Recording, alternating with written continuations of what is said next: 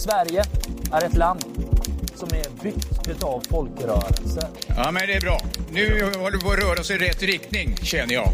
Och vi vill lyfta fram de unga kandidaterna till styrelsen. Vad vi utgör precis nu, det är en gryende folkrörelse. Om en grupp av människor har en gemensam intresse, då kan de bilda en förening. Välkomna till Trögfattarföreningens årsmöte. Goddagens och välkomna till detta andra avsnitt av Civilsamhällespodden. Ett, eh, en podcast där jag får runt och träffar engagerade människor på förbundsnivå för att utforska mitt allra största intresse, ideella föreningar. Jag heter som vanligt Charles Metzma och till vardags så hittar ni mig som förbundssekreterare i Sverok, eh, Spellobbyförbundet. Men i den här podden så är jag ju då mig själv. Eh, ni kan följa Civilsamhällespodden på diverse sociala medier, främst Facebook och Twitter. Och i varje avsnitt så träffar jag då som sagt en företrädare för en annan organisation. Och så, idag så är det då Sandra Rönnsved som är förbundsordförande för Ung Media. Hej! Hej Charles! Hej! Det första vi ska göra här, det som står högst upp på dagordningen så att säga, det är ju att eh, lära känna dig lite bättre. Eh, och det brukar jag göra genom att ställa frågan, vad var det egentligen som fick dig eh, att bli en engagerad människa? Det är lite svårt för att de flesta som är med eller engagerade i Ung Media har en väldigt lång eh, engagemangshistoria av att ha startat en skoltidning eller haft en podcast eller så här. Men jag har inte alls en lång historia överhuvudtaget utan jag har spelat mycket fotboll och handboll till exempel och det är ju föreningar. Men jag kopplade aldrig det till att nu är jag medlem i en förening som jag har möjlighet att ta beslut på årsmöten utan jag läste... Du var bara engagerad i verksamheten men inte i föreningsbiten. Precis. Och förstod inte riktigt att jag var med i en förening heller, mm. kan jag väl säga. Så att jag eh, började plugga journalistik eh, och jobba som journalist när jag tog eh, studenten. Och av lite av en slump så fick jag möjligheten att komma in i media och bevaka EU-valet. Eller i alla fall skriva en ansökan om att få möjlighet att jag och en redaktionsgrupp åka till Bryssel och bevaka EU-valet. Och sen blev föreslagen till styrelsen så det är en jättekort period. Eh, och eh, ett år senare så blev jag förbundsordförande. Och kunde säga att för två år sedan så visste inte jag vad Ung Media var. Eh, så det är en kort period men har, är så himla glad att jag råkade slinka in på den här banan. Men vad var det då som gjorde just att du gick från den här för jag tolkar det som att ja, deltog i verksamheten som Ung Media anordnade den här resan till att bevaka EU-valet. Vad var det som gjorde ändå att du tog steget, eller möjliggjorde att du tog steget från, från delta i verksamheten till engagerad?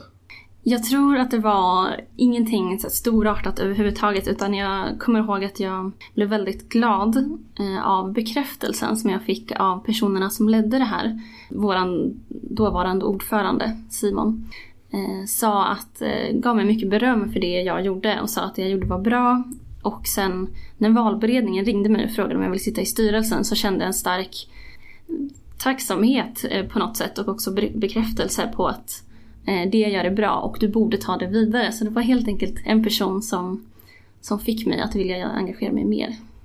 Det är ganska spännande. Anledningen till att jag frågar lite grann för att det låter väldigt likt det första avsnittet handlade nämligen mycket om just det här med att lyfta upp eh, nya och engagera nya människor. Eh, och mycket av det vi pratade om låter precis så som, som du beskriver här. Nämligen att bli uppmärksammad och sen faktiskt få den officiella frågan ställd till sig. Och det tänker jag jättemycket på också när, eh, när jag får frågan om, av valberedningen, om det är någon jag rekommenderar till styrelsen. Så tänker jag alltid på alla gånger vi har åkt och eh, bevakat någonting, något evenemang ur ett ungt perspektiv, så tänker jag alltid eh, vem som jag skulle kunna lyfta. För att jag vet att det betyder så mycket för mig. Särskilt eftersom jag själv antagligen inte hade tagit steget ifall ingen hade sagt att ja fast Sandra du gör det här bra. Så det... Jag hoppas att andra känner att jag gör samma sak för dem som en person från en media gjorde för mig. Men, men hur var det då att komma in i det här att inte ha någon som helst koll på eh, på föreningslivet, alltså själva styrelsearbetet bakom och sen efter ett år i förbundsstyrelsen plötsligt vara ordförande? Det var skitsvårt. Det var verkligen hur svårt som helst och det är ju väldigt svårt att, komma ihåg första styrelsemötet så fick nya styrelsen vara med när eh, avgående styrelse hade styrelsemöte och de pratade om så här, ah, är vi redo att gå till beslut och nu tar vi det här med per capsulam-beslut. Och jag bara satt där och tänkte, How did I get here? Du vet. Jätte, jättespeciellt. Och jag måste säga att jag tror att det tog ett år, första året i styrelsen, tills jag verkligen förstod att så här, ja fast det här är våran verksamhetsplan som vi ska följa just nu och vi har möjlighet att påverka den, vi har möjlighet att ta beslut om den. Eh, och vi, det är vi som leder det här förbundet och jag har aldrig känt den känslan någonsin att jag har den här reella möjligheten att faktiskt påverka. Vad var det viktigast för dig med att just komma in i för att nu upplever jag ju dig som, vi träffas lite då och då och du är ju utan tvekan en människa som har koll nu. Vad är det som har gjort att du liksom har nått den här positionen? Jag har ofta så här, eh, jag började, vi gick ju Ung med makt tillsammans, eh, LSUs ledarskapsutbildning.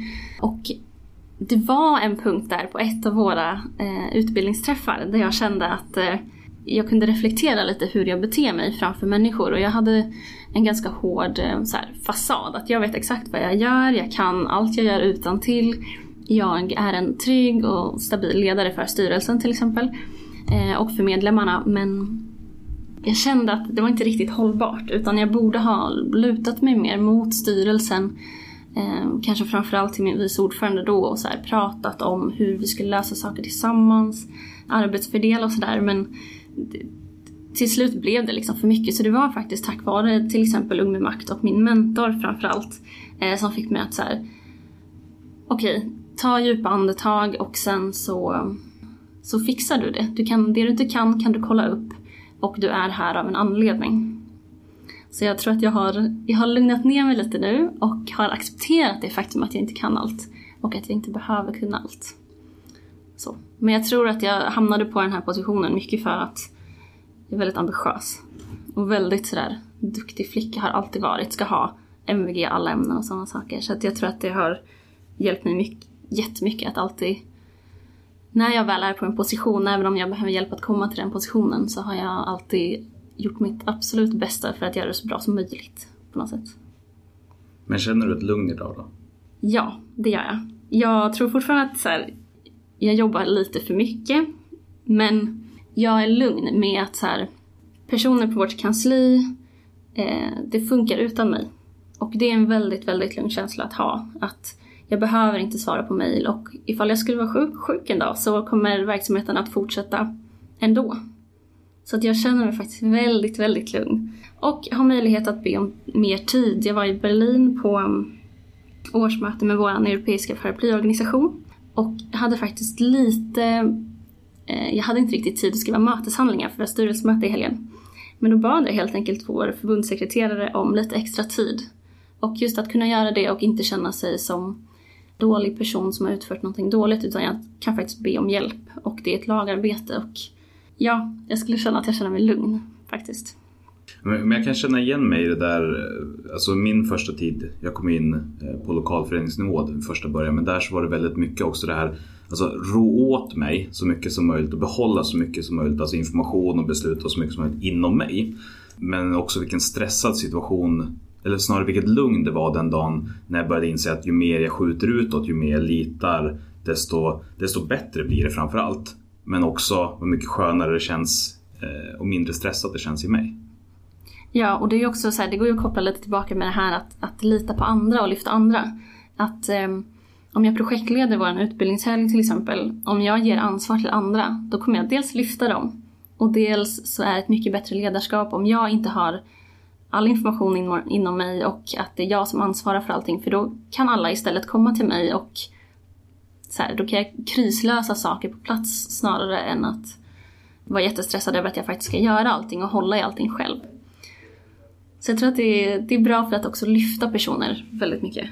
Och visa att så här, jag litar på dig och du är på den här positionen för att du är bäst lämpad för den. Eh, så gå ut i världen och eh, gör, eh, eh, sprid ditt budskap och det du vill få ut till våra medlemmar till exempel. Förresten, du blev omvald ganska bara för någon, några veckor sedan. Två veckor sedan. Två veckor sedan. Mm. Och eh, hur lång tid har du suttit nu? Det är två år? Ja precis, så att första januari så börjar jag mitt tredje år som förbundsordförande. Mm. Hur känns det då? Det känns bra, det känns jättebra. Det, de här tre åren, nu har jag inte börjat mitt tredje år än, men första året var jättemycket att, att lära sig och eh, se vad, vad, vad har vi på något sätt. Andra året blev att påbörja någon typ av eh, förändring. Att så här, okej okay, men nu vet vi, nu har vi den här kartläggningen, eh, nu vet jag vart jag ska börja och i slutet av det här året har jag känt att nu har jag faktiskt gjort det som jag påbörjat mina mål för det här förbundet. Till exempel att jag haft en idé jättelänge om att starta ett nordiskt samarbete. Nu har vi en nordisk organisation, Nordic Press Association. Och eh, typ sådana saker, att jag verkligen känner att jag har det är jag och mitt lag och vi gör saker tillsammans och det är möjligt att göra saker. Jag behöver inte lägga all tid på att åka runt och föreläsa om yttrandefrihet utan jag kan faktiskt inte bara följa verksamhetsplanen utan också eh, ha mina egna mål för förbundet. Och det är därför jag är så taggad på ett tredje år för jag tror att nu kan jag verkligen göra det som kommer att sätta spår som gör att jag kommer vara nöjd med de här åren. Liksom. Mm. Vi glider ganska naturligt över i det som är nästa fråga här. Liksom, vad är då Ung Media och vad består en verksamhet av? Hur många medlemmar är ni? Vad, det som känns relevant att lyfta. Ung Media är ett förbund för unga medieproducenter. Vi jobbar jättemycket med ungas yttrande och tryckfrihet så det handlar på något sätt om att eh, skapa egna plattformar att göra sin röst hörd på. Till exempel starta en podcast eh, och intervjua personer i unga civilsamhället. Så vi har omkring 5000 medlemmar. Vart fjärde år har vi omkring 10 000. För vi har en jättestor förening som eh, bara är aktiv vart fjärde år. Eh, så att vi har skoltidningar, eh, unga som gör podcast, eh, bloggare till exempel. Också jättekola föreningar som bara gör yttrandefrihet eh, och satsar på att fria till exempel journalister som sitter i fängelse i andra delar av landet för att de har skrivit någonting mot regimer till exempel. Och eh, vi har mycket utbildningar i till exempel yttrandefrihet och tryckfrihet. Och då tog jag med lite böcker här mm. som jag ska visa. Eh, det absolut äldsta som vi har är ju skoltidningshandboken. Okay.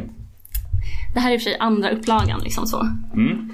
Eh, men det är liksom hur du går från färdig idé till skoltidning. Ah, ja, Okej, okay. en, en typ att göra-lista typ att göra en lista eller hur du planerar ett nummer eller hur du brainstormar. Ja, det är lite svårt att få av den där eh, grejen på boken. Ett men, omslag för att inte kunna öppna den. Ja. Men det är vår gamla logga på, det är lite tråkigt. Jo men det blir väl så när du gör gamla saker. Ja. Eller, inte gör gamla saker men. Precis.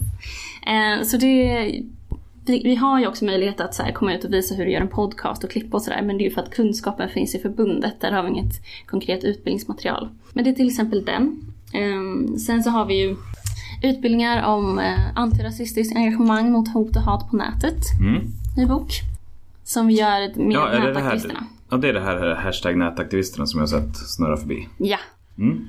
För nu kommer vi fortsätta, Arvsfondsprojektet avslutas så då kommer vi ta, ta, deras ut, ta deras utbildningar. Men fortsätta deras utbildningsverksamhet och integrera den i våran verksamhet. Det är väldigt snygga grejer ni gör. Mm. Av de två jag tittar på nu. Mm, roligt. Ja, men det är, vi försöker ju, vi har också nu anställt en kommunikatör och grafiker och det är också för att vi vill ligga lite i framkant vad det gäller till exempel grafik och media och hur, mm. hur du marknadsföring mycket. Sen så har jag den här NAB-tankebanken. Ja. Som vi gjorde med Sverok.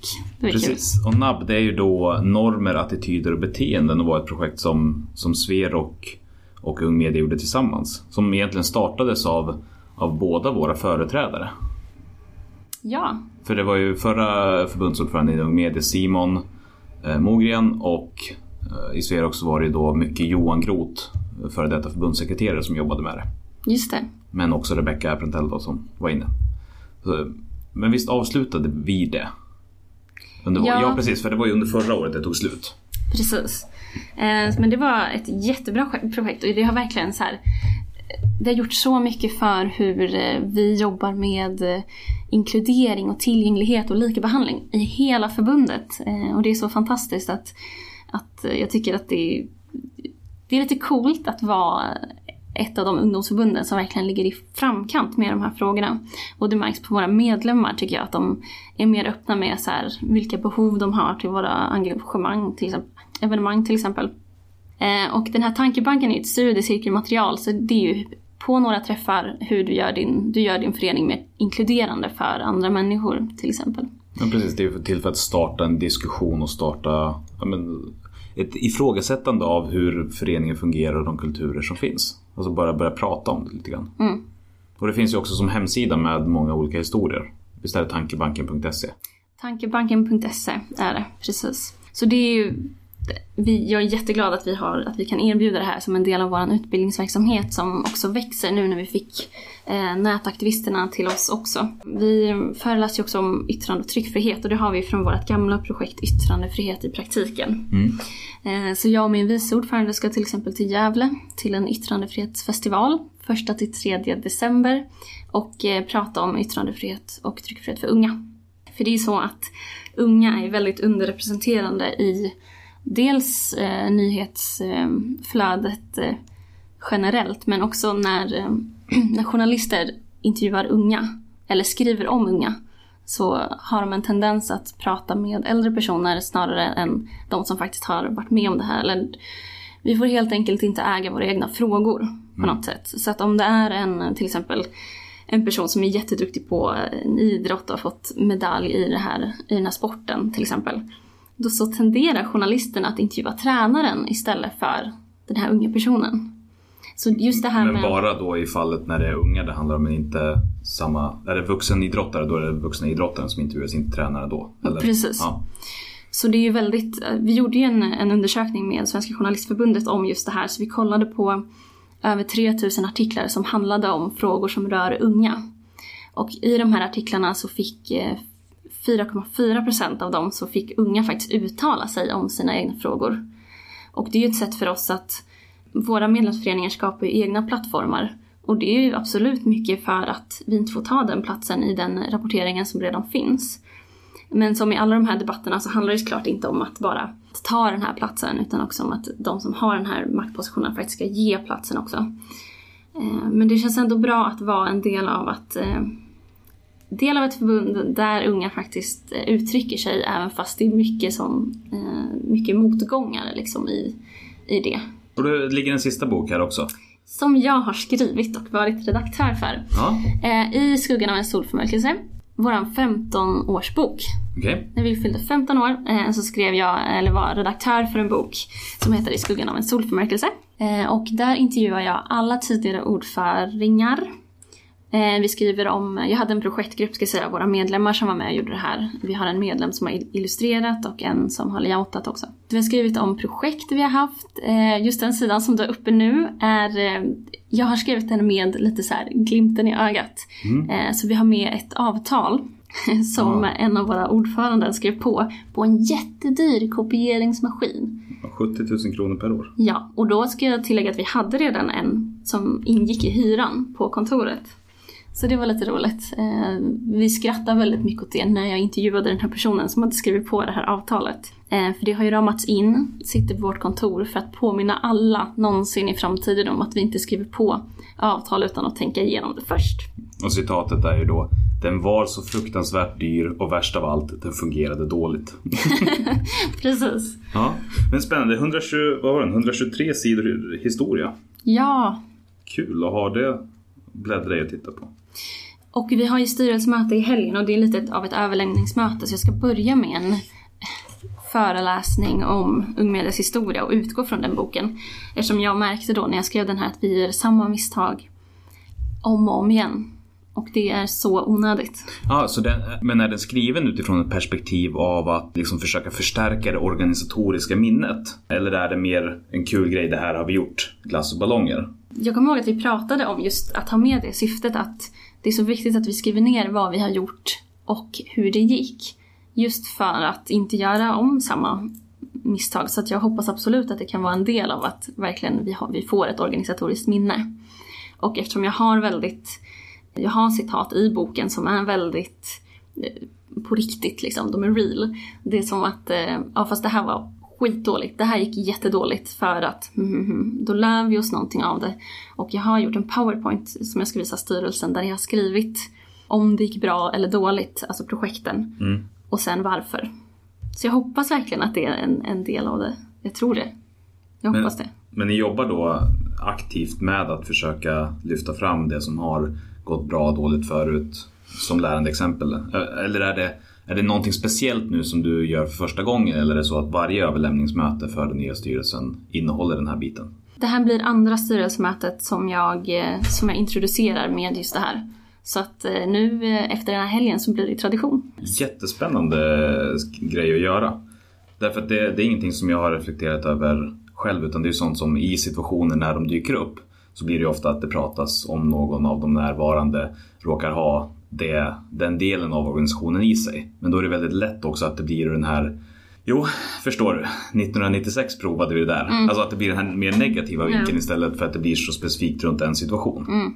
Och jag skulle säga att det är, en, det är en del av NAB, tror jag. Jag vet inte om det var en del av målen, men jag kommer ihåg att eh, projektledaren eh, Milena Kraft, att hon sa att just eh, skriv ner det här. Skriv ner, hur gör du, hon frågade två saker, det var hur gör du medlemsbesök, vad tar du upp då?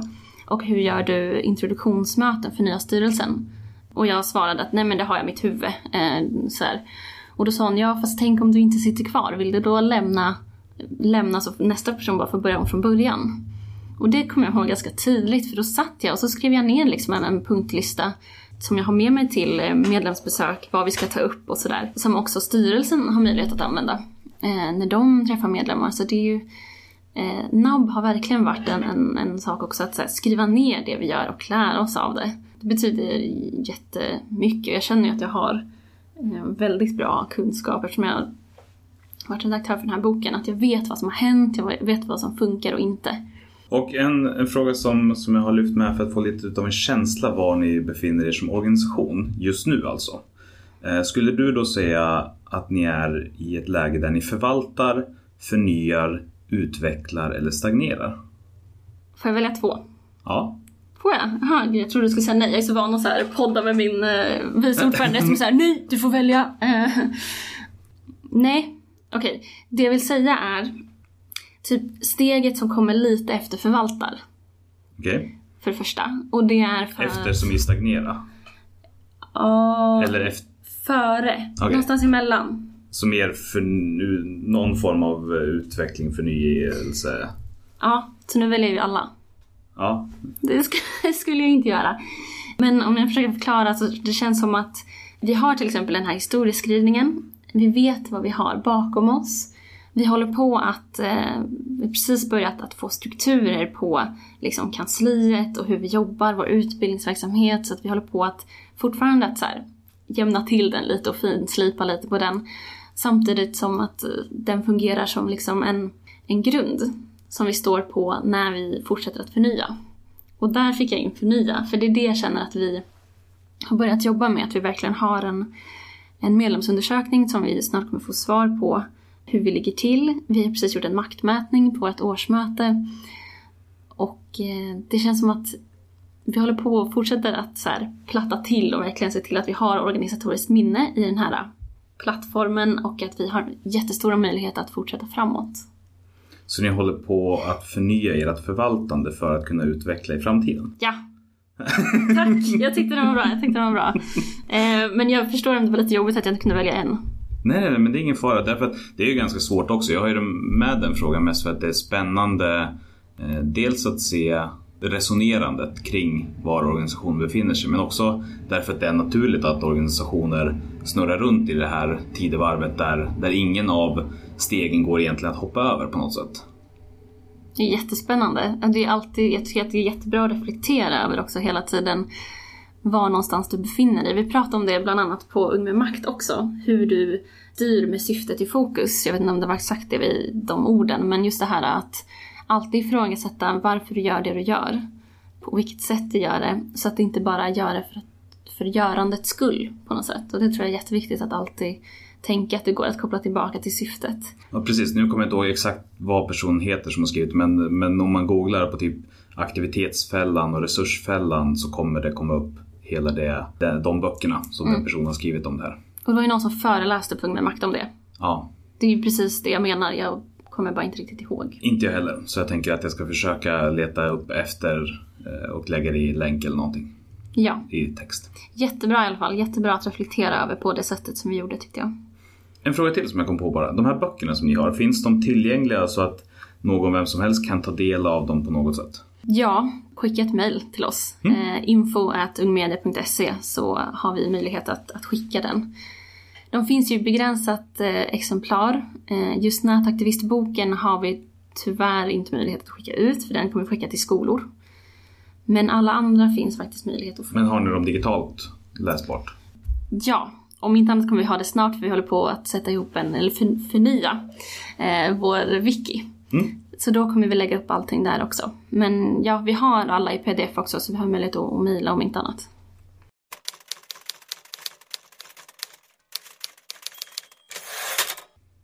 Då så tänker jag att vi glider över i det som kallas för dagens tema. Eh, för att eh, inför varje avsnitt så får ju då den som jag ska träffa välja ett ämne kopplat till förening, folkrörelse eller engagemang på något sätt. Eh, och du valde ju temat inkluderande årsmöten, om jag minns att vi formulerade det så. Ja, Till att börja med, varför, varför valde du det temat? Jag tror att din fråga till mig eh, på Facebook-chatten var vad jag tycker att Ung Media står ut med på något sätt ungdomsorganisationsmässigt. Och så tänkte jag ju absolut såklart på vårt tema först om yttrandefrihet och att alla ska synas och höras och så här. Men just eh, civilsamhällesmässigt så, förutom temat, så skulle jag faktiskt säga att det är just tillgänglighet och inkludering när det gäller till exempel årsmöten där ligger vi i framkant tillsammans med Sverok skulle jag då säga och det är just på grund av NAB där vi har jobbat aktivt i tre år för att eh, göra vår organisation mer tillgänglig eller mer inkluderande. Så därför jag valde det ämnet och för att jag tycker att det är jättekul med årsmöten och det är ännu roligare om vi alltid arrangerar årsmöten med just det likabehandlingsperspektivet. Och jag tycker att alla borde jobba med det, alla organisationer, det rör alla. Så. Vad, vad har blivit dina erfarenheter då av att följa exempelvis Ung Medias årsmöten från, från det första du besökte och sen arvet efter NAB? Ja, mitt första årsmöte så förstod jag ju för det första ingenting och eh, jag visste inte riktigt jag förstod väl att jag var föreslagen till styrelsen. Så, men eh, det var väldigt, eh, jag var där som funktionär för det första eftersom jag inte var medlem. Men, men berodde det mest på dig eller berodde det på mötesformen att du inte förstod? Vi hade precis, eller Ung Media hade precis börjat med NAB då, så jag kommer ihåg att vi hade en årsmötesutbildning som, och jag kommer ihåg att den drog min uppmärksamhet. Så det var Milena som höll den. Och det tyckte jag var väldigt bra. Men jag hade inte läst möteshandlingarna. Förutom att kolla på bilden på mig. Eh, så faktiskt. Så att jag fick inte riktigt, jag hade så mycket att göra funktionärsmässigt. Så jag lyssnade inte riktigt på diskussionerna heller. Men jag kommer ihåg att, det, att jag mm, verkligen fick känslan av att det här är någonting som jag tycker om. Det här är någonting som jag vill fortsätta jobba med. Men sen så tycker jag att vi, mm, vi utvecklas väldigt, väldigt mycket med de här metoderna som används, till exempel årsmötesutbildningen så har vi till exempel, vi, vi provar nya saker som att dela upp oss i mindre grupper till exempel istället för att ha eh, en som står längst fram och eh, mässar om härskartekniker till exempel. Så vi utvecklas jättemycket och det tycker jag också att det märks eh, det roligaste är nästan att vi får sprida det till eh, andra organisationer men också vår europeiska paraplyorganisation som jag var årsmötesordförande för nu i helgen så började vi med en eh, årsmötesutbildning. Och eh, det var väldigt roligt att se att eh, de här sakerna som vi tog upp var väldigt, väldigt basic. Eh, mer basic än vad vi har på Medias årsmöten. Och vad är basic i det här sammanhanget då? En basic kan vara till exempel eh, Behöver vi besluta om att köpa in en kopieringsmaskin till det här årsmötet? Är det någonting vi måste besluta på det här årsmötet? Var väldigt många som inte kunde svara på det. Så här, måste vi besluta om det eller inte? Jaha, alltså vart... Eh, om det är ett beslut för riksmöte eller årsmöte eller om det är ett beslut för en styrelse eller... Ja, och inte så här, du kan ju absolut ha ett årsmötesbeslut på att köpa in en kopieringsmaskin. Men frågan var mer så här, behöver vi? Måste vi besluta om det här? Eh, till exempel. Och eh, jag har ju mött väldigt, när jag har pratat med, varit i arbetsgrupper för att göra det här årsmötet mer tillgängligt eh, för vår paraplyorganisation. Så är det flera som har frågat, ja fast planerar vi ett årsmöte eller planerar du en lek för dagisbarn? Eh, så. För att det handlar ju mycket om att så här, göra det roligt. Eh, och eh, många är ju, det kan ju vara en årsmöteslek. Att du parar ihop så här memorykort med till exempel en förklaring och ett ord. Men det är kul även fast det inte, mm, kanske, jag vet inte alls vad de tyckte om det för vi har inte fått utvärderingen. Men det är kul att känna att, eh, att det sprider sig utanför Ung Media. om jag tolkar det rätt, så deras uppfattning det här med att jobba med att göra årsmötet roligare och mer inkluderande på gränsen till oseriöst? Eller?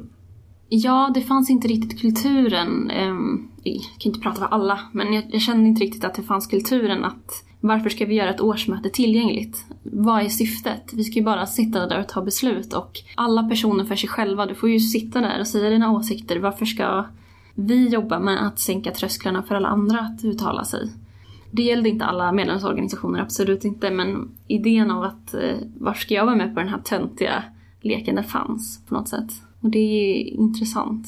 Och att jag försökte förklara det här med till exempel kontrapropositionsvotering. För de hade tre förslag och då tänkte jag, ja men då är det jättebra, det är mest demokratiskt att använda den här typen av eh, voting procedure. Och då sa jag det, att först, jag har lite svårt att översätta det här för jag vet inte om det finns en bra översättning för det första. Eller så här, om, om ordet finns, om uttrycket finns, används det? Eh, för jag vill inte hitta på någonting heller. Men då blir det lite så här när jag förklarar det som att ja, men det är typ som en semifinal i ishockey. Att du tar två och så tar du vinnaren mot den. Jag kände att jag förklarade just konceptet av att göra saker tillgängligare flera gånger. Att vi gör det här för att för det var ju flera som ifrågasatte och bara ja fast varför röstar vi inte om besluten eller förslagen en och en? Och då försökte jag förklara, ja men då kanske ni, det blir inte samma utgångspunkt för de här tre förslagen då. Det blir liksom en ojämlikhet. Det går ju att med hur propositionsordningen ställs så går det att manipulera utgången ganska mycket. Ja. Och det var, det var svårt att förklara. Alltså mm. du sitter ju här och nickar men de andra var, flera årsmötesdeltagare var såhär, men skitsamma, nu tar vi dem en och en för att om den första beviljas så behöver vi inte rösta om de andra. Oj, ja. Eh, så den så här kulturen, att möta det, jag tycker fortfarande, det är fortfarande kul för det känns som att så här, även om de tycker att vi från Sverige är paragrafryttare så är det ändå kul att få vara med och liksom se till att det blir mer demokratiskt även på andra årsmöten som inte är i Sverige. Men du nämnde tidigare då lite grann med det här, alltså dela upp sig i mindre grupper och annat. Vad har ni för metoder som ni använder för att göra ert eh, årsmöte mer inkluderande? Vi har eh, till exempel ett, eh, ett mentorsystem. Och det är när du anmäler dig. Eh, om det är någon som är intresserad av att kolla på våra anmälningsformulär till eh, arrangemang så får alla jättegärna skriva till mig och, och, fråga om det för vi har tagit fram liksom, tillgängliga anmälningsformulär. Men i det här anmälningsformuläret så finns det till exempel att du kan välja om du vill ha en mentor eller inte. Om du är där första gången eh, till exempel så har du ingen aning om hur det fungerar och då får du en liten grupp på fem personer och en mentor som du har träffar med under hela mötet. Som kan, du kan säga så här, fast nu förstår jag ingenting, eller vad betyder det här, eller sådär. Så du har en person som det ska vara enklare att vända sig till snarare än att du måste gå och prata med ordföranden för hela förbundet. Eh, så. Men, men är det ett system som fungerar för er? För jag vet att vi i Sverok hade för några år sedan så hade vi på prov det här med mentorsbiten men att det fallerade lite grann. Dels för att det var svårt att, men svårt att få ut informationen och fördelningen så att det blev tydligt. Framförallt för mig som mentor, vad förväntas av mig och hur ska jag fungera och vad ska jag göra? Alltså att det blev otydligt och att det nästintill blev sämre av att ha mentorerna på plats därför att då fanns det en, en föreställning om att jag kommer få hjälp och sen så fanns det inte då en person som, som hade samma föreställning tillbaka att jag ska hjälpa. Mm. Eh, att det blev lite ja, men krock där mellan förväntningar. Mm. Hur, hur har det fungerat för er? Vi har fått väldigt eh, bra feedback på alla utvärderingar och sådär. Men när jag kom in i Ung Media så fanns det inga riktlinjer för mentorer. Så att jag skrev eh, egna tillsammans med våra likabehandlingsansvariga i styrelsen. Eh, och så utvärderas de varje år och vi skriver om dem. Och jag tror att det är lika viktigt som att eh, alla som är med i mentorsgruppen får informationen om hur det går till. Lika viktigt är det då för, för mentorn att veta exakt vad det är som, som krävs och inte. Mentorerna har ju också en, eh, en viktig uppgift på vår eh, yrkandestation som vi har på lördagskvällen. Eh, hjälper till att formulera yrkanden i att-satser till exempel. Så att eh, mentorskapet fungerar bra för oss. Sen så kanske inte alla är nöjda och det kan ju verkligen bli en krock beroende på vilka personer eh, som är där i gruppen och vad de har för, för tidigare erfarenheter eller åsikter eller sådär. Men det är många som har varit väldigt nöjda så jag skulle nog säga att det fungerar. Men nyckeln är då mycket information till de som är mentorer? Ja, eh, riktlinjer också förklara att eh, det är många, så det var någon som ringde mig innan som var mentor som sa att men jag vet inte riktigt om jag kan allt det här. Eh, och då sa jag bara att Fast du har lättare att gå till mig och fråga om någonting än vad kanske en deltagare har. Eh, Så kom till mig när som helst eh, och, och fråga. Det ska bara liksom sänka trösklarna på något sätt. Så mycket information innan, absolut. Eh, Så att det inte blir en osäkerhet i vad som förväntas av dig. Ska jag säga något mer? Ja. Som vi har gjort, ja. Vi har förtydliga lappar. Vad är en förtydliga-lapp? Ja, det är en lapp som det står ordet förtydliga på. Som du har tillsammans med ditt röstkort eller ditt talkort, så du har två kort eh, när du är med på våra årsmöten. Så att eh, om du håller upp ditt talkort så ställs du på talarlistan och då ska du gå upp till talarstolen och tala. Men om du håller upp ditt förtydliga kort så är den personen som pratar men framförallt så är det mötespresidiet som förtydligar just det som händer i talarstolen just då. Men, men det är bara till för förtydliganden från talarstolen just i den stunden. Ja. Mm. Nu så, vi säger att det är någon som pratar om någonting med svåra ord. Och så håller du bara upp förtydliga lappen. Du behöver inte säga någonting överhuvudtaget utan mötespresidiet förklarar då vad det är som händer, ehm, vilken punkt vi är på, vad punkten betyder och sådana saker. Och det tror jag också är så här, just det här att slippa, eller inte behöva, gå upp i talarstolen tror jag är jätteviktigt för de personerna som faktiskt inte känner sig bekväma med det. Vi, vi har ju någonting liknande. Vi använder ju, Sverok då återigen, så använder vi frågeteckenlappar. Eh, Det är alltså en lapp där det bara är ett stort frågetecken på och sen så kommer det komma en trivselvärd eh, och hjälpa dig med vad det är du behöver så att du får liksom någon som springer till dig när, när det är så att du inte känner att du hänger med eller någonting annat. Just det. Hur funkar det? Men jag tycker ändå att det fungerar väldigt bra. Eh, Det som är den stora skillnaden det är ju dels nackdelen är ju förstås att du hamnar lite utanför eh, debatten när det pågår för att du måste ju kommunicera med en annan person eh, Eh, som så. Men däremot så får du väldigt eh, skräddarsydd hjälp med exakt vad du behöver, liksom ditt behov i det läget. Eh, Och för just de här mer förtydligande bitarna, där har vi en demokratifrämjare istället. Dit du kan skriva eller skicka sms och få liksom svar och hjälp eh, kring saker. Jag, jag tror att det låter faktiskt som någonting som vi också borde prova för jag tänker just det här med att eh, alla får ju då, det tar ju av, av eh, årsmötestiden såklart att eh, någon måste förtydliga någonting som händer. Eh, samtidigt som fördelen kanske absolut kan vara att det, om det är en som inte förstår så är det säkert flera som inte förstår så. Eh, men det vore faktiskt intressant att prova det för oss också, tänker jag. Men jag tänker att det borde gå att ha en hybrid av både och. Därför att ibland så är det bara ett snabbt förtydligande. Och då kan det vara bra att den finns. Men ibland så behöver du mer omfattande hjälp på något sätt. Där liksom inte den hjälper. Sen vet jag inte hur många lappar det går att ha framför sig. Nej. Och det blir svårt att hålla koll på vilken var jag skulle räcka upp när. Ja. Jag behöver en frågeteckenlapp för att veta vilken lapp jag ska räcka upp. Ja, alltså det är ju lite, det är också det här som händer på eh, vår paraplyorganisations årsmöte att jag använde såklart de här förtydliga korten också. Och det var mer så att de inte riktigt brydde sig vilket kort de räckte upp. Och då så, när jag började förtydliga någonting så, så kollar de jättekonstigt på mig och så här, fast jag vill ju säga någonting. Jag bara, ta det andra kortet. eh, Så, så att då måste du ju också ha deltagare som verkligen respekterar metoderna. Och det gjorde ju inte riktigt eh, de på det årsmötet då. Men Nej, men det är ju en vanlig sak också. För absolut. att vi, eh, det här är ju, vi är någonstans inne på tredje eller fjärde året med de här frågeteckenlapparna. Och jag skulle vilja säga att nu, det var nu i helgen när vi spelade in det här som vi hade vårt årsmöte. Det första gången som de faktiskt har fungerat utan att orsaka mer problem än, än vad de har löst. Jag tror också att det är jätteviktigt att använda dem flera gånger och att det blir bättre. Men jag tycker att det är en jättebra idé att ha. Det rekommenderar jag verkligen. Att ha en hybrid av våra, eller antingen ha eran eller vår. Eh, funkar jättebra för oss i alla fall. Men det viktigaste, som, så som vi har, det, det som är för själva funktionen eller principen, det är då att kunna be om hjälp utan, med liksom minimalt störande av hela mötet. Det vill säga att inte behöva sträcka sig upp och liksom köra en ordningsfråga bara för en kort fråga, utan då är det lättare att skicka ett sms till demokratifrämjaren. Eller alltså att de här, att det inte ska bli, att du ska kunna få hjälp utan att det stör hela mötet. Jag tror att det är, ja, det är jättebra att ha i åtanke. Men eh, hur, stor, hur många deltagare har ni på ert årsmöte förresten? 101 ombud. Vi har ju 50 personer. Nej, 65 hade vi totalt på plats. Och vi var 150 någonting på totalt. Så jag tänker också så här, om du har ett mindre årsmöte så tror jag inte att du stör jättemycket kanske. På samma sätt om du har, eh, om du räcker upp din förtydliga lapp så.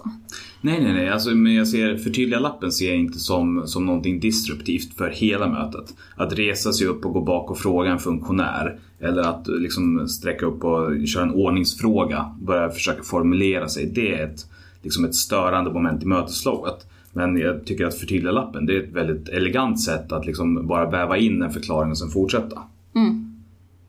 Ja men det tror jag. Men jag tror också börja tänka lite eh, på att eh, vi kanske ska, jag ska, tror jag nästa år, om ett år, så kanske ska prova någon typ av hybrid av dem. Ehm, för jag tror att det är jättebra. Och det är kul att prova nya saker och se vad det är som fungerar bäst såklart. Vad har ni mer för spännande metoder som ni använder då? Vi har, vi har massa saker. Eh, jag har ju faktiskt skrivit en lapp eh, på alla saker vi har gjort för att göra vårt årsmöte mer inkluderande. Som jag ska ut. Men jag tänkte faktiskt berätta en annan sak istället. Eh, vi har ju en talarstolsövning.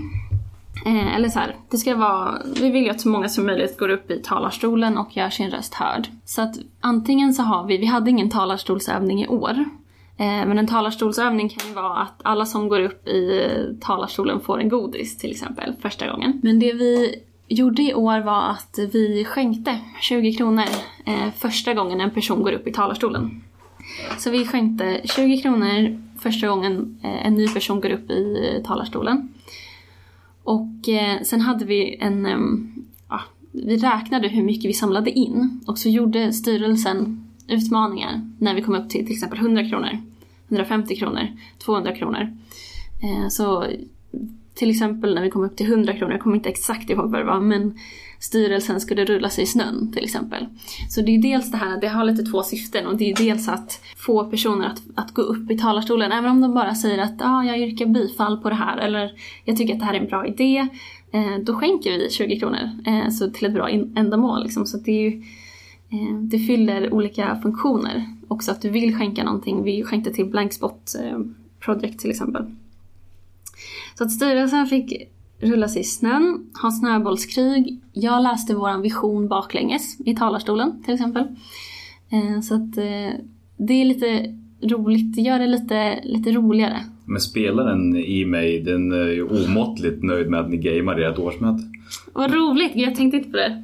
Ja, men det, ni har gjort där, det är att skapa alltså, det som inom pedagogiken pratas mycket om nu, att spelifiera, eller på engelska då gamification.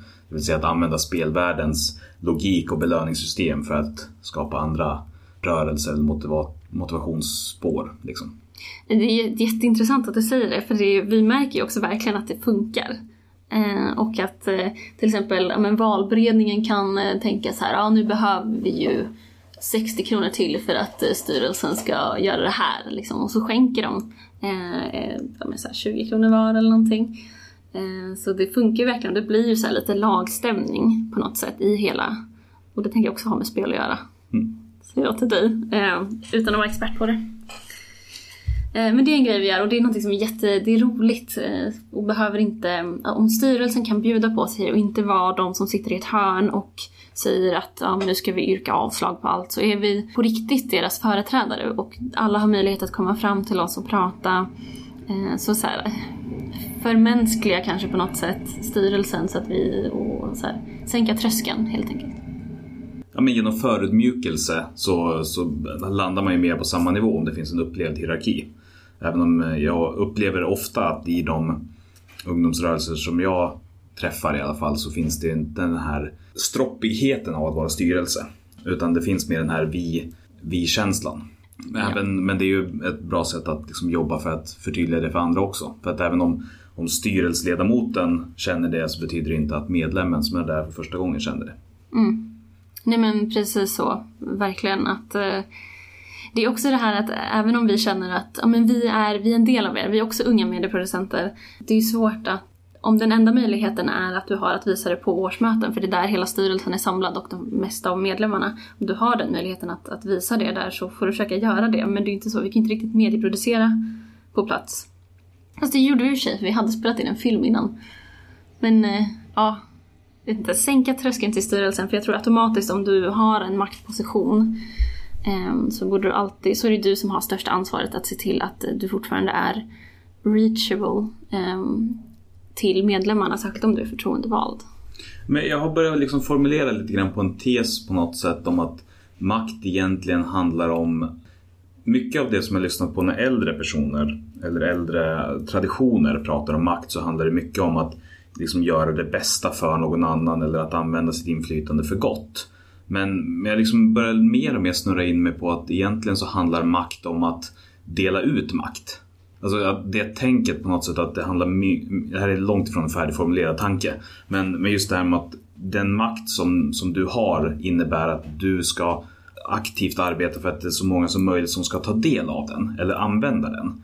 Inte att du använder den för någon annan utan att du låter andra använda den. Om du förstår? Ja, med? jag förstår precis. Det är jätteroligt att du säger det. Jag har formulerat typ precis samma tes eller samma så här, eh, tankegång till framförallt en av mina mentorer som jag hade. Eh, och det är just det här med att eh, jag fick frågan hur har ditt ledarskap förändrats? Och det var de här två senaste åren. Eh, och jag så jättetydligt kunde se att det har förändrats på, ett, eh, på just det här sättet att jag har känt att jag ska göra allting själv. Eh, och att det är det viktigaste att allting blir gjort och att eh, ha en bra fasad utåt på något sätt. Till att eh, inte, så här, dela ut makt och dela ut också det här med att lyfta folk. Att dela ut ansvar, lita på andra människor och att på styrelsemöten har jag jag pratar inte först. Jag säger inte min åsikt först till exempel. Och det är för att jag vill ju lyfta fram andra och se till att de har makten att, eh, att göra någonting åt det. Särskilt jag som nu ska sitta mitt tredje år. Som har jättemycket för, försprång till någon som nu kommer in i styrelsen och eh, aldrig har varit eh, riktigt engagerad på riksnivå förut. Då känner jag att jag har ett jättestort ansvar i att se till att makten ligger på rätt ställe i organisationen. Så jag tycker att det är en jättebra, jättebra grej att reflektera över. För att du har verkligen, alltså om, som att när jag leder ett förbund så är det jätteviktigt att jag ser till att den makten inte bara liksom går ut via mig på något sätt. Utan att få andra att synas och höras. Så här, det viktigaste vi har, våra medlemmar. Och det genom styrelsen. Så jag tycker det är jätte, jättesmart. Vi kanske ska lägga in någon brasklapp om att jag i alla fall inte är liksom akademisk på något sätt och inte riktigt up to speed så det här kanske är världens äldsta spaning. Men, men det känns ny och fräsch för mig i alla fall. Nej men alltså det, jag absolut inte, för mig, alltså jag behövde få frågan. Mm. Hur har ditt ledarskap ändrats? Och då tänkte jag för det första jag tänker är så här, nej men inte, inte så mycket. Så här. Ehm, Men just när du har utvecklingssamtal som jag såg lite så här, eller du har samtal som utvecklar dig om jag säger så. Eh, så har jag insett att eh, det är så viktigt och när jag planerar styrelsemöten med min vice ordförande så har vi alltid tänkt på vi har ju haft den här pakten med henne också att okej, men vi säger inte våran åsikt först. Eh, det här är en fråga som jag, vissa gånger har jag bestämt att inte skriva ett yrkande på mina förslag till exempel. För att jag vill veta vad styrelsen tycker. Så att den är absolut inte klar i mitt huvud heller. Eh, Och jag vet inte exakt om det är en, en bra vetenskaplig sak att göra, att inte skriva ett yrkande till mina förslag. Men det är någonting som jag har provat och ser funkar. Även om jag inte vet om det funkar för alla generellt. Så. Spännande. Vi glider ju ifrån lite grann. Även om makt på något sätt, det är ju definitivt relaterat till när det handlar om att sänka trösklar och inkludera fler på, på ett möte som handlar om makt, koncentration och beslut. Men, men finns det fler metoder som ni använder eh, som du vill lyfta fram kring just att få fler att hänga med eller fler att känna sig med när det kommer till årsmöten och liknande? Jag har jättemånga. Eh, Jag vet inte ens om jag kommer kunna säga Du får välja Ja. en till. Alltså jag har... Okej. Det roligaste på årsmöten kanske är att diskutera så här förslagen för nästkommande år. Och vi har metoder för det också. Men vi provade en jätterolig sak i år och på våran, eh, ja, provade den i Berlin i helgen också. Eh, som jag kom på en gång, eh, eller en utveckling av den. Och det är det här med att eh, presentera förra året och året, alltså det som har hänt i eh, en verksamhetsrapport eller verksamhetsberättelse. Då skrev vi ut hela, alla rapporter vi hade, satte upp på väggarna. Och sen så fick alla deltagare emojis. Så fick ett hjärta, en, en smiley som var lite konfunderad och en bajskorv. Och så fick de ta häftmassa och reagera, precis som du gör på Facebook. Så reagerade de på olika delar av rapporterna på en, en halvtimme och så fick de liksom diskutera med andra som var på just den här delen av rapporten också. Det är jättebra för styrelsen att få reda på så här, vad, vad de tycker är bra och inte. Och sen samlas allt det här ihop och eh, mötespresidiet går igenom det. Att eh, okej, okay, styrelsen har fått, på den här rapporten om tvååriga mandatperioder har styrelsen fått eh, jättemycket hjärtan på det här så det är väldigt omtyckt. Alla hade post-it-lappar så att om du hade en fråga så kunde du skriva den på lappen. Och så gav mötespresidiet ordet till, till styrelsen som fick svara på frågan. Men eh, det tycker jag fungerar jättebra. Vilket spännande sätt att jobba med att levandegöra ja, men då, eh, verksamhetsrapporter och berättelser. Alltså för det är ju oftast någonting som brukar, vi, vi kallar det för formalia och tråkiga fredagen i Sverok. Eh, när vi jobbar för vidare. För att oftast, ja, men, oftast så, det är bra att läsa det, det är bra att ha koll på det men det är inte, vi har så mycket annat som är viktigt som ska beslutas för framtiden så det blir lite lätt att det, eh, det bara blir. Och vi hade den diskussionen i projektgruppen att det här kommer ta lång tid och sådär men det gjorde inte det. Men vad blev resultatet av det hela då? Alltså vi, för det första så är jag jätteglad att vi fick feedback på allting som vi har gjort under året. Eh, och när vi tog eh, 2016 års verksamhetsrapport så har vi också fått, nu har vi ju en och en halv månad kvar på året. Och eh, då har vi möjlighet att se också vad de gillar av det som är kvar. Så att vi fick jättebra feedback på ett roligt sätt och jag tror att alla som var där faktiskt engagerade sig för du hade möjlighet att sätta upp, du fick egna emojis som du skulle sätta upp. Och om vi bara drar igenom rapporten så hade nog inte så många kanske egentligen brytt sig om vad det faktiskt står i rapporten. Och styrelsen hade kunnat presentera den på en minut. Jag tycker att det är bra. Jag tror inte att, eh, heller att eh, personer ska vara, som leder sådana här saker ska vara rädda för att det tar lång tid. För att det räcker egentligen med 10 minuter att gå runt och sätta upp de här emojisarna. För du får ju också någonstans eh, lita lite på att eh, folk har fått handlingarna innan och kanske läst dem och sådär. Men jag tycker att det är bra att lägga tid på. Även om det alltid är jättetidspressat. Liksom. Det sista då kring, kring eh, det här med inkluderande årsmöten. Finns det någon sån här uppenbar miss som ni gjorde som, som är viktig? Alltså för den som då vill ge sig in i det här och börja men vi vill nog börja arbeta lite mer med det här. Vad, vad är den viktigaste grejen att tänka på? Den som inte, inte ska missas? Jag provar att säga det första som, som jag tänker på och det är att eh, alltid ha möjlighet att, eh, vilken metod som du än gör, att alltid ge en möjlighet att eh, ställa, att, att du har någon som du kan ställa frågor till. Det är någonting som är så här generellt för alla våra metoder egentligen, tror jag att jag kan säga. Att eh, när vi har en yrkande station på kvällen eh, så behöver du ha någon där som, kan, som du enkelt kan ställa en fråga till. Eller om vi gör den här presentationen av verksamhetsrapporten på det sättet att du inte tänker att ah, men nu får de göra det här i, i 20 minuter utan du har personer utplacerade som kan svara på frågor. Så det egentligen handlar ju det om feedback. Att eh, Dels att du, du tar eh, feedback i form av utvärdering men också att eh, du Att kan det finns en ta... möjlighet att löpande påverka under mötet. Ja, Men jag måste bara fråga också, yrkande station, vad är det för någonting? Yrkande station är det vi har på, um, vi har årsmöte hela lördagen hela söndagen. Så på lördagskvällen så har vi hunnit gå igenom alla förslag till, till årsmötet. Och då har du möjlighet att, även om förslagstoppet har, redan har varit, så har du möjlighet att eh, göra ändringsyrkanden på förslagen som finns. Eh, till exempel. Och då har vi personer där som hjälper till att eh, formulera ett yrkande. Alltså vi har två datorer, några möteshandlingar och så kan du sitta och bläddra och tänka lite vad du vill göra för din förening. Och sen så får du hjälp att yrka. Det finns ju hur mycket som helst att prata om när det kommer till, till det här och jag känner att vi har långt ifrån tömt ut ämnet men däremot så är det den tid vi har. Men är det så att eh, man vill höra mer så är det ju, går det jättebra att höra av sig, antar jag. Ja, ring, skriv på Facebook, skicka en emoji på min Facebook-status. Nej men absolut, om ni vill höra mer om våra metoder så vi delar jättegärna med oss. Vi vill att fler också ska ha mer demokratiska årsmöten såklart. Så ni är inkluderande angående inkluderande årsmöten. Precis så faktiskt.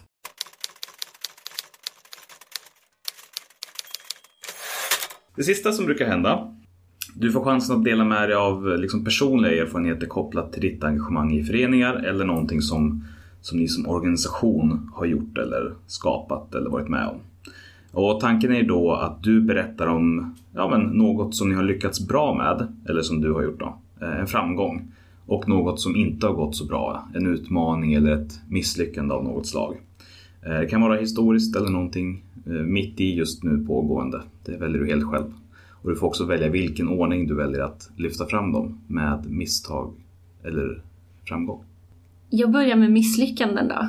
Men för jag skrev ju en bok om, om Ung Medias historia. Har, eh, nu tar jag organisatoriskt misstag och kanske så här personlig framgång då. Och det som jag ser i Ung Medias historia som har varit misslyckade projekt är alltid när det är någonting som kommer från centralt håll. Ett eh, så här, nu ska vi åka på en medlemsturné i hela Sverige och eh, få alla skoltidningar att eh, gå med i Ung Media till exempel. När det är engagemang som inte från början kommer från personer från gräsrotsnivå så failar det i princip alltid och det tar mycket resurser och det inte, måluppfyllelsen blir inte bra. Men om vi har personer från våra medlemsföreningar som går ihop och eh, har en arbetsgrupp så funkar det alltid eh, jättebra för det är vad medlemmarna vill.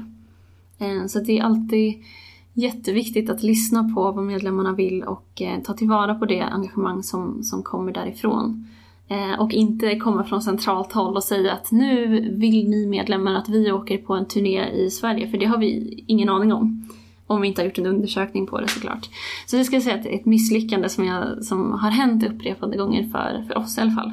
Och misslyckandet är då att ni hade tänkt att det, ni skulle vara många som genomförde men ingen hade lust för det för ni hade inte frågat på förhand. Ja.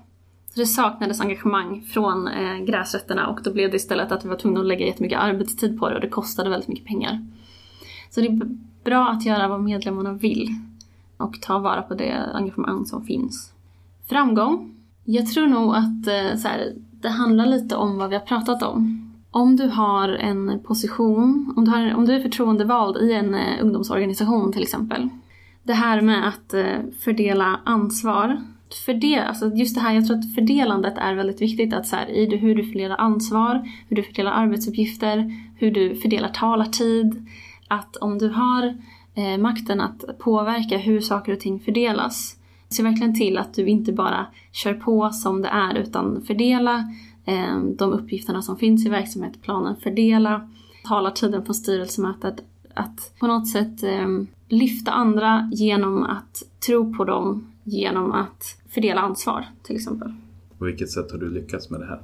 Jag tror att, eh, eller jag tycker för det första att jag har utvecklats jättemycket som ledare i just den bemärkelsen. Att ge ansvar till andra personer i styrelsen, ehm, det är ju enklare att ge till anställda eftersom de är anställda och eh, ska göra saker på arbetstid.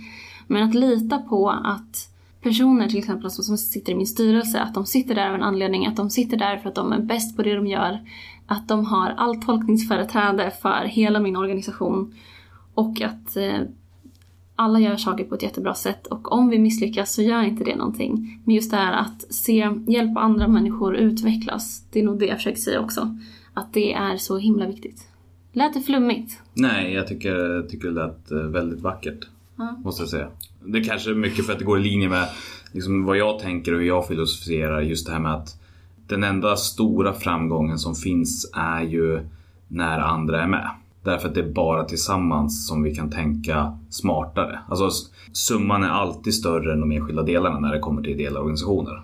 Och när du lyckas få med dig de olika delarna i en slags gemenskap då, då blir det alltid bättre.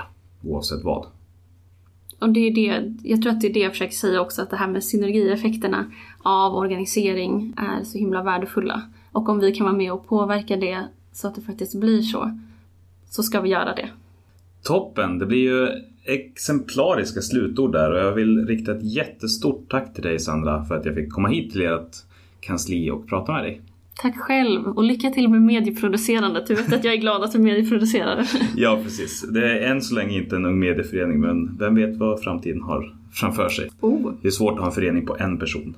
Men jag vill också tacka dig som har lyssnat. Och, eh, skulle det vara så att du under tiden tänkte på något sätt att men jag håller inte med om det där eller det här vore intressant att prata om eller det här är en person som du borde prata med. Men hör av dig. Du hittar Civilsamhällespodden på Facebook och Twitter. Eh, och oavsett vad du har tänkt så vill jag höra det. Så tack så mycket för att du lyssnade den här gången.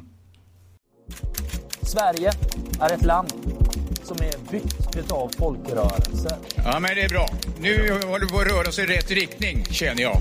Och vi vill lyfta fram de unga kandidaterna till styrelsen. Vad vi utgör precis nu, det är en gryende folkrörelse. Om en grupp av människor har en gemensam intresse, då kan de bilda en förening. Välkomna till Trögfattarföreningens årsmöte.